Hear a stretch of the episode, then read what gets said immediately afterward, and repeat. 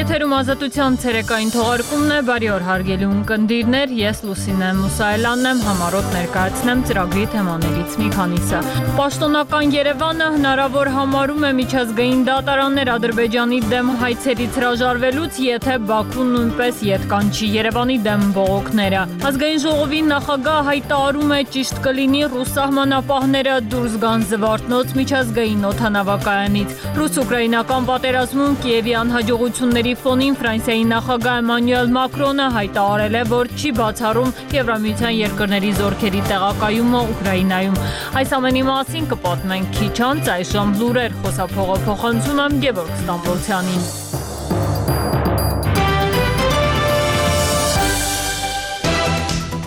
Ճիշտ կլինի, որ ռուս սահմանապահները դուրս գան Զվարթնոց օթանավակայանից այսօր հայտարարել է ազգային ժողովի նախագահ Ալեն Սիմոնյանը մանրամասները լուրերի թողարկումից հետո Ֆրանսիայի նախագահ Էմանուել Մակրոնը չի բացառել Եվրամիության երկրների զորքերի տեղակայումը Ուկրաինայում։ Այս մասին Ֆրանսիայի ղեկավարը հայտարարել է երկուշաբթի երեկոյան Փարիզում Եվրոպական շուրջ երկու տասնյակ պետությունների ղեկավարների հավաքի ավարտին։ Մակրոնի հայտարարությունն արդեն իսկ մեկնաբանել են Մոսկվայում եւ Բրյուսելում Ռուսաստանի նախագահի խոսնակ Դմիտրի Պեսկովի պնդմամբ, եթե ՆԱՏՕ-ի զորքերը հայտնվեն Ուկրաինայում, Դաշինքի եւ Ռուսաստանի հակամարտությունն անխուսափելի կդառնա ՆԱՏՕ-ի գլխավոր քարտուղար Յենս Ստոլտենբերգի պնդմամբ մեջբերում ՆԱՏՕ-ն Ուկրաինա մարտական ստորաբաժանումներ ուղարկելու մտադրություն չունի։ Միացյալ Նահանգների նախագահ Ջոզեֆ Բայդենը հույս է հայտնել, որ Գազայում մինչև հաջորդ երկու շաբթի հրադադար կհաստատվի Միացյալ Նահանգների նախագահի խոսքով հակամարտող կողմերը Քաթարում ընթացող բանակցությունների շրջանակներում նախնական որոշակի համաձայնություններ են ձեռք բերել այդ թվում հոկտեմբերի 7-ին գերեվարված Իսրայել իսրայելցի պատանդների ազատ արձակման շուրջ։ Հոկտեմբերի 7-ից ի վեր Գազայի հատվածում առնվազն 29878 պաղեստինցի է զոհվել, եւս 70000 մարդ վիրավորվել է։ Այս մասին այսօր հայտարարել է Եվրամիության եւ ԱՄՆ կողմից աբեկչական կառույց ճանաչված Համաս շարժման վերահսկողության ներքո գտնվող Գազայի հատվածի առողջապահության նախարարությունը։ Նույն աղբյուրի փոխանցմամբ վերջին 24 ժամերին ռազմական գործողությունների գոտում 96 խաղաղ բնակիչ է զոհվել։ Մարտի 1-ից Ռուսաստանը կես տարով կդադարեցնի բենզին Պուտինի արտահանումն այս մասին լրագրողներին տեղեկացրել են փոխվարչապետ Ալեքսանդր Նովակի գրասենյակից ռուսաստանյան պաշտոնական աղբյուրների փոխանցմամբ բացառություն կարվի միայն ԵԱՏՄ անդամ պետություններ, ինչպես նաև Մոնղոլիա, Ուզբեկստան, Աբխազիա եւ Հարավային Օսիա արդեն իսկ համաձայնեցված մատակարարումների համար եւ Մոսկվայի Գոլովինսկի շրջանի դատարանը քիչ առաջ 2.5 տարվա ազատազրկման է դատապարտել Մեմորիալ իրավապաշտպան կենտրոնի ղեկավար Հոլեկ Օրլովին։ Իրավապաշտպանը մեղավոր է ճանաչվել մեջբերում ռուսական բանակի կրկնակի վարկաբեկման համար։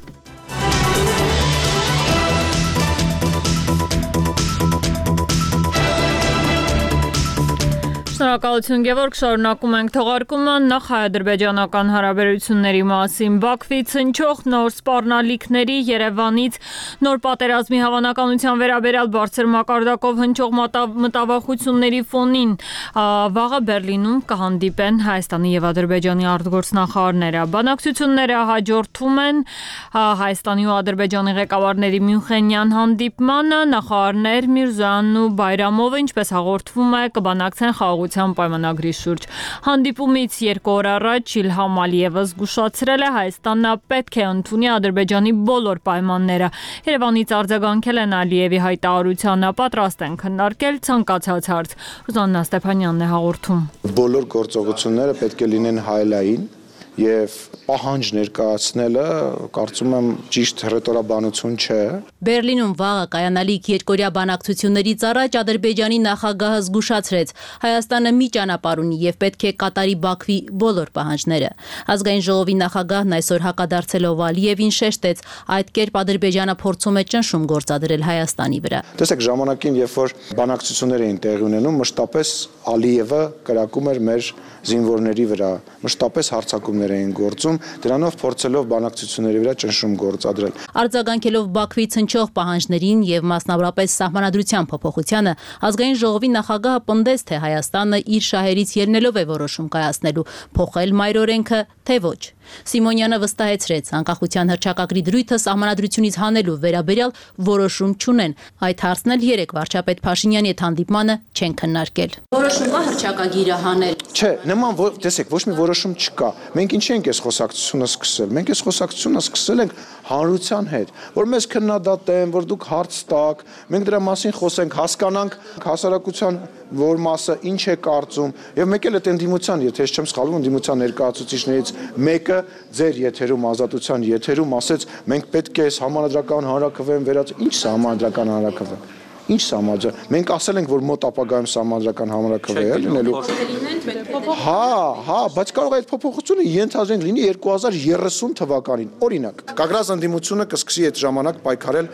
մեզ անվստահություն հայտնելու մասին։ Սահմանադրությունը փոխելուց բացի Բաքուն նաև պահանջում է Հայաստանից հրաժարվել մարդու իրավունքների եվրոպական դատարան ներկայացված հայցերից։ Հայաստանն Ադրբեջանի դեմ 4 միջպետական գանգատ է ներկայացրել եվրոպական դատարան։ Եվս մեկ գանգատ էր քննվում է ՄԱԿ-ի արդարադատության միջազգային դատարանում։ Կհրաժարվի արդյոք Հայաստանն այդ հայցերից։ Մանրամասները չգիտեմ, բայց եթե իրենք իրենց հայցերից հրաժարվեն, հնարավոր է մենք էլ հրաժարվենք։ Ազգային ժողովի նախագահն ընդգծեց, խաղաղության պայմանագրի շուրջ բանակցություններում Հայաստանը պատրաստ է Ադրբեջանի հետ քննարկել ցանկացած հարց։ Այո, մենք պատրաստ ենք Ադրբեջանի Հանրապետության հետ քննարկել բոլոր խնդիրների լուծումը եւ քննարկում ենք այդ հարցերը եւ որևիցե հարց չենք տեսնում, որը որ կտրուկ մեր համար անքննարկելի է Չնայած Երևան-Բաքու բանակցություններին, խաղաղության պայմանագրի վերաբերյալ առաջարկների փոխանակումներին, պատերազմի հավանականության վերաբերյալ մտավախությունները պահպանվում են, փորձագետները հարձակման մի քանի սցենար են դիտարկում։ Թեմայի շուրջ Կարլեն Ասլանյանը զրուցել է միջազգային ճգնաժամային խմբի Հարավային Կովկասի հարցերով ավակ հետազոտող Օլեսիա Վարդանյանի հետ։ Ադրբեջանը կգնա պատերազմի, ինչը կկանգնեցնի Ալիևին։ Դիտարկենք իրավիճակը դասավորվածության տեսանկյունից, ապա մեծ հաշվով 2022 թվականի սեպտեմբերից ի վեր Հայաստանի համար քիչ բան է փոխվել։ Նույնիսկ հաշվի առնելով այն զենք զինամթերքը, որ այժմ մատակարարվել է Ֆրանսիայից կամ գուցե նաև այլ երկրներից։ Այսինքն ադրբեջանական զորքերը դեռ շատ շահեկան դիրքեր են զբաղեցնում։ Առնվազն երկու մարզերում նկատի ունեմ Վայոց ձորն ու Գեղարքունիքը։ Դե իհարկե նաև Սյունիքում, որտեղ նրանք առանցքային կոմունիկացիաների կողքին են։ Նկատի ունեմ ճանապարհները եւ սկզբունքորեն Ադրբեջանը բավականաչափ ուժ ունի որոշ հարցեր ուժային ճանապարհով լուծելու համար։ Դա չի նշանակում, որ նրանք անպայման կգնան դրան ու Իրանի հետ սահմանի երկայնքով իրենց համար ճանապարհ կբացեն։ Սա կարող է ենթադրել ռազմական այլ գործողություններ, որոնք օրինակ կստիպեն Հայաստանին եւ Հայաստանի ղեկավարությանը գնալ զիջումների, այդ թվում կատարել Բաքվի կողմից ներկայացվող պահանջները։ Կարծում եմ ոչ մեկի համար այլևս գաղտնիք չէ, որ այդ գործողությունը Հանրապետությունը ենթադրում է, ասենք երկիրը երկու մասի բաժանելը, որ เป զի Սյունիքը մնա մեկուսացված եւ որ เป զի դրանով նրանք կարողանան ստիպել Հայաստանի ղեկավարությանը գնալ որոշակի զիջումների։ Երբեմն լսում եմ նաեւ, որ ոմանք դիտարկում են նաեւ Տավուշի ուղությամբ, այսքան Հայաստանի հյուսիսում ռազմական գործողությունների հնարավորությունը։ Դե ճիշտն ասած, դա Ադրբեջանի համար շատ ավելի ռիսկային է, այն པարզ պատճառով, որ այնտեղ ռազմական ենթակառուցվածքների շինարարությունը շատ ավելի վաղուց է սկսվել եւ այնտեղ ռազմական հաղորդակցության հաստատված համակարգ գոյություն ունի։ Բացի դրանից, սա մի վայր է, որտեղ երկու կողմից էլ շատ մարդիկ են ապրում, այսինքն այնտեղ երկու կողմից էլ, այդ թվում Ադրբեջանից խիտ բնակեցված վայրեր կան եւ բացի այդ, այն շատ մոտ է խողովակաշարին, որոնք կարեւոր են ողջ տարածաշրջանի համար։ Ոստի այնտեղ իհարկե կարող են որոշակի ռազմական գործողություններ իրականացվել, բայց եթե ենթադրենք, որ լինեն, ապա դա կլինի շատ ավելի ռիսկային եւ վտանգավոր, քան մեկ այլ վայրում։ Ինչու եմ ես դիտարկում այս սցենարը, որովհետև եթե նայեք, ապա սկզբունքորեն Ադրբեջանը հնարավորություն ունի անգամ չգravel, չօկուպացնել հայկական տարածքը։ Նրանք կարող են մտնել, ստիպել Հայաստանին ինչ որ որոշում ներկայացնել ու դուրս գալ։ Եվ այս դեպքում իհարկե սրան կարելի է տարբեր կերպ մոտենալ։ Օրինակ նույնը եղավ Լեռնային Ղարաբաղում, որտեղ 24 ժամից ավելի քիչ էլ ժամանակում Ադրբեջանը լիովին հաղթեց ու ստիպեց այն ժամանակվա իշխանության տեղական ներկայացուցիչներին համաձայնվել հրադադարի։ Ադրբեջանի դեպքում այս տարի հավանաբար մեծ տարբերություն կա։ Գալիք նոյեմբերին Ադրբեջանում պետք է տեղի ունենա կլիմայական խոշոր գագաթաժողով։ Սա միջազգային երևույթ է, եւ որքան ես եմ հասկանում, նախագահ Ալիևը որոշակի ակնկալիքներ ունի, որ սա իր համար շատ կարևոր իրադարձություն է լինելու, որին կարելի է ենթադրել, նա կցանկանար, որ ներկա գտնվեին բարձրաստիճան ներկայացուցիչներ, այդ թվում արևմտյան երկրներից։ Այսպիսով օրինակ, եթե այս պայմաններում դուք ինչ որ ռազմական գործողություն եք իրականացնում, իմ ասած սարսափելի տարբերակներ պահանջներից մեկի համաձայն, ապա հավանաբար դա ենթադրում է որոշակի քննադատություն եւ խնդիրների հյուրերի ժամանման հետ կապված։ Դե ոմանք կարծում են, որ սա իրականում այդքան լուրջ խնդիր չի առաջացնի եւ սա լիարժեք երաշխիք չի կարելի համարել։ Այսօրվա մեր աշխարհում ոչինչ լիարժեք երաշխիք չէ Երևանը կասկածի տակ է դնում 1992 թվականի Զվարթնոց օթանավակայանում տեղակայված ռուս սահմանապահների գործունեության արդյունավետություն ազգային ժողովի նախագահ Ալեն Սիմոնյանը հայտարարում է ճիշտ կլինի, որ ռուս սահմանապահները դուրս գան Զվարթնոցից։ Այս մասին Հայաստանի իշխանությունը ըստ էության առաջին անգամ է բաց տեքստով խոսում, ինչ այդ իշխանամետ փորձագետներ, քաղաքասերակցության ներկայացուցիչներ էին թեման քննարկման առարկա դարձրել։ Ինչու է պաշտոնական Երևանը ռուս սահմանապահներին Երևանի օթանավակայանում օթանավականից հեռացնելու անհրաժեշտություն տեսել եւ ինչու հիմա, իսկ Հայաստանի այլ վայրերում տեղակայված ռուս սահմանապահների հարցը ինչպես է լուծվելու եւ վերջապես ինչ հետևանքներ կարող է ունենալ այս քայլը եւ որքանով է իշխանությունն ապատրաստ Մոսկվայի պատասխանին։ Շողգալստյանին լսենք։ Ազգային ժողովի նախագահը կարծում է ճիշտ կլինի, որ ռուս սահմանապահները դուրս գան Զվարթնոց միջազգային օթանավակայանից։ Իսկ արդյոք այդ հարցն իշխանությունը քննարկում է։ Ալեն Սիմոնյանն ասաց, թե անձամբ նման քննարկման չի մասնակցել։ Կարող է իրավապահների կամ համապատասխան մարմինների հետ քննարկվել է, բայց ես կարծում եմ, որ Թե որովհետև մենք մեր երկրի սահմանները կպաշտպանենք, իսկ ես վստահ չեմ, որ իրանք մեր երկրի սահմանները կպաշտպանեն։ Դուք վստահ եք։ Ռուս սահմանապահները օթանավակայանում 3 տասնամյակից ավելի է ծառայություն են իրականացնում։ Թե կոնկրետ ինչ իրավական հիմքով հստակ չէ։ Առհասարակ ռուս սահմանապահների Հայաստանի տարածքում գործունեությունը կարգավորվում է 1992 թվականին Մոսկվայի հետ կնքված Հայաստանի տարածքում Ռուսաստանի սահմանապահ զորքերի կարգավիճակի եւ նրանց կենսագործունեության պայմանների մասին պայմանագրով։ Դրանում սակայն սակայն հենց օթանավակայանում նրանց գործունեության վերաբերյալ ոչինչ նշված չէ։ Ինչ իրավական հիմքով են ռուս սահմանապահները Զվարթնոցում աշխատում եւ քննարկվում է արդյոք նրանց այնտեղից հանելու հարցը։ Ազատությունը գրավոր հարցումներ է ուղարկել պետական մարմիններին, պատասխան սակայն դեռ չենք ստացել։ Այս թեմային նախորդեցին ներքին հանդի դեպքերը, երբ ադրբեջանական կրակոցից հայկական կողմը 4 զոհ ունեցավ։ Իսկ անվտանգության խորհրդի քարտուղարը հայտարարեց, թե այնտեղ տեղակայված ռուս զինվորականները չկանխեցին այդ միջադեպը։ Ալեն Սիմոնյանը այսօր առհասարակ կասկածի տակ դրեց ռուս սահմանապահների արդյունավետությունը Հայաստանի սահմանների պաշտպանության հարցում։ Ապացուցվեց մի քանի անգամ, որ իրենք չպաշտպանեցին։ Հələ չեմ ասում, որ հաճախ նաև ձև արեցին, ամեն ինչ արեցին, որ այդ սահմանները շատ ավելի խոցելի լինեն։ Եկան, եկան, եկան Լեռնային Ղարաբաղ ինչ արեցին եկան Հայաստանի, բան, եկան Լեռնային Ղարաբաղ հայ ժողովրդին դուրս ուղեկցեցին, հա, հետո էլ 5 հոգի մարդ 2-3 ժամ հետո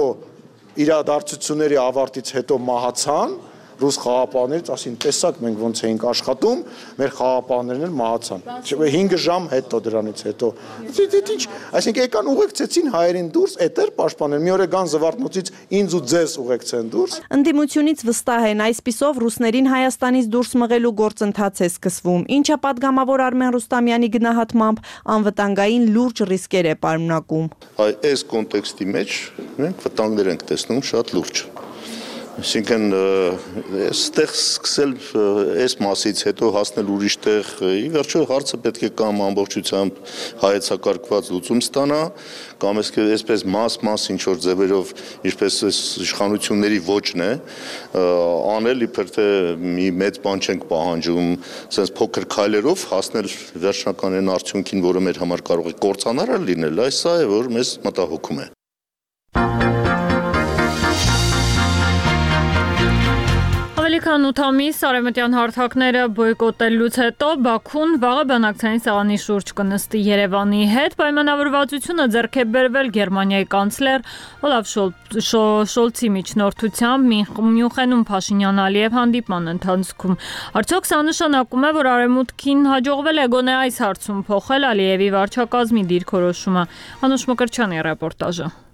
Գերմանիան ուրախ կլինի նպաստելու տարածաշրջանի կայուն խաղաղությանը։ Տարածաշրջանային այցով Հայաստանում գտնվող Գերմանիայի Բունդեսագի իրավական հանձնաժողովի նախագահ Էլիզաբետ Վինկելմայեր Բեկերն այսօր լրագրողների հետ զրույցում հայտարարեց, որ Քարորիա այցի շրջանակում հանդիպել է հայ բարձրաստիճան պաշտոնյաների հետ։ Իթիվս այլ հարցերի վարչապետ Փաշինյանի հետ քննարկել նաև հայ-ադրբեջանական հակամարտության հարցը։ Մենք դրական ենք գնահատում հայկական կողմի ջանքերը ուղված արևմտյան ժողովրդավարական արժեքների որդեգրմանը, ուստի պատրաստակամ ենք գերմանական կողմից մեր աջակցությունը ցուցաբերելու ինչպես խաղաղության գործընթացին, այնպես էլ Հայաստանում տեղի ունեցող բարեփոխումների գործընթացին։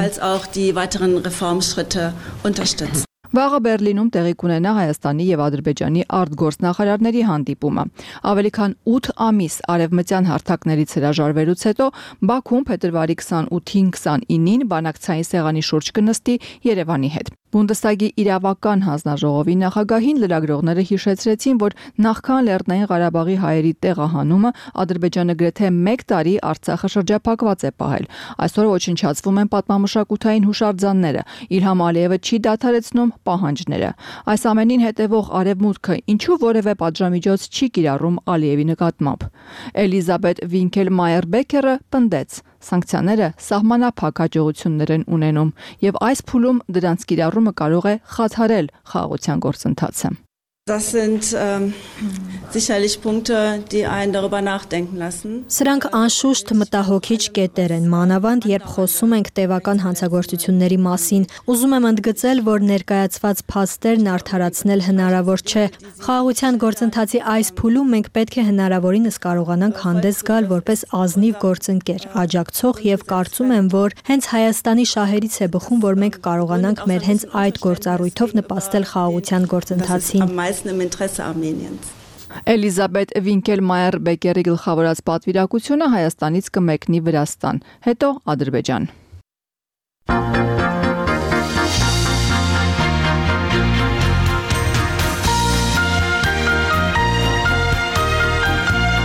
Ել միջազգային իրադարձությունների մասին ռուս-ուկրաինական պատերազմում Կիևյան հաջողությունների ֆոնին Ֆրանսիայի նախագահ Էմանուել Մակրոնը հայտարարել է, որ չի բացառում Եվրամիության երկրների զորքերի տեղակայումը Ուկրաինայում։ Ելիսյան պալատի ղեկավարը հավելել է, որ այս պահին դեռ այդ հարցով կոնսենսուս չկա, բայց ինչպես նշել է, պետք է ամեն ինչ անել Ռուսաստանի հաղթանակը թույլ չտալու համար։ Մինչ այդ Ուկրաինան հայտնում է հերթական բնակավայրի կորստի ահազանգում սպառազինության սուր պակասի մասին։ Ֆրանսիայի նախագահ Էմանուել Մակրոնը Փարիզում եվրոպացի առաջնորդների հանդիպումից հետո հայտարարել է պետք չէ բացառել արևմտյան զորքեր Ուկրաինա ուղարկելու հնարավորությունը։.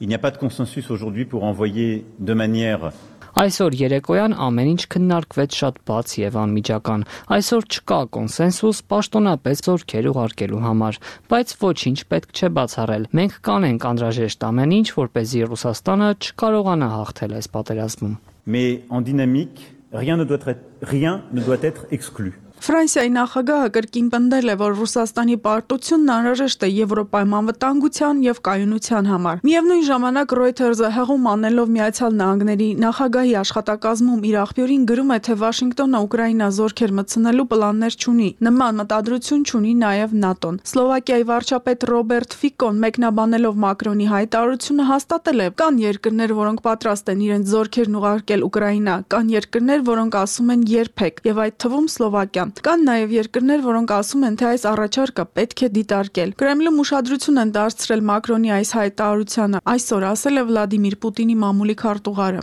ՆԱՏՕ-ի եւ Ռուսաստանի միջև ուղակի ռազմական հակամարտությունը անխուսափելի կլինի, եթե Արևմուտքը զորքեր ուղարկի Ուկրաինա։ Դաշնային խորհրդի փոխոսնակ Կոնստանտին Կոսաչովն էլ շեշտել է, թե նման քայլը կհատի բոլոր կարմիր գծերը։ ՆԱՏՕ-ի երկրների կողմից Ուկրաինա ցամաքային զորքեր ուղարկելը կարող է մեկնաբանվել որպես դաշինքի անմիջական մասնակցություն ռազմական գործողություններին եւ նույնիսկ որպես պատերազմի հայտարարություն։ Փարիզում Եվրամիության առաջնորդների հանդիպմանը, որին մասնակցել մասնակցել են նաև Միացյալ Թագավորության եւ Միացյալ Նահանգների ներկայացուցիչները քննարկվել է Ուկրաինային զինամթերքի մատակարարումը։ Եվրամիության երկրները դեռ չեն կարողանում կատարել մատակարարման իրենց պարտավորությունները եւ հույսը դնում են երրորդ երկրներից զինամթերք գնելու վրա։ Նման նախաձեռնությամբ հանդես եկող Չեխիան հայտնել է, որ 15 երկրներ նման սխեմայով զինամթերք գնելու համաձայնագրեր են ստորագրել։ Նման մի կոալիցիա էլ ասել է Չեխիայի վարչապետ Պետր Ֆիալան կստեղծվի Ուկրաինային հերահար հրթիռներ մատակարարելու համար։ Ազատություն TV-ն արդեն հասանելի է Հայաստանի բոլոր գլխավոր կաբելային ցանցերում։ Դիտեք մեզ Ucom-ի 222-րդ, Rosttelecom-ի 18-րդ եւ Team TV-ի 3-րդ ալիքներով։ Ազատության շուրջօրյա անկողմնակալ լրատվությունը, բացառիկ հարցազրույցները, ուղիղ միացումներն ու ռեպորտաժները կարող եք դիտել նաև ազատություն.am կայքում, YouTube-ում ու մեր Facebook-յան էջում։ Հարգելի ունկնդիրներ, այժմի համար այսքանն ենք նախատեսել։ Ազատությունը ռադիոեթեր կվերադառնա 40 րոպեից։ Միացեք մեզ այդ ժամին։ Խոսափողի մոտ Լուսինա Մուսայելյաններ։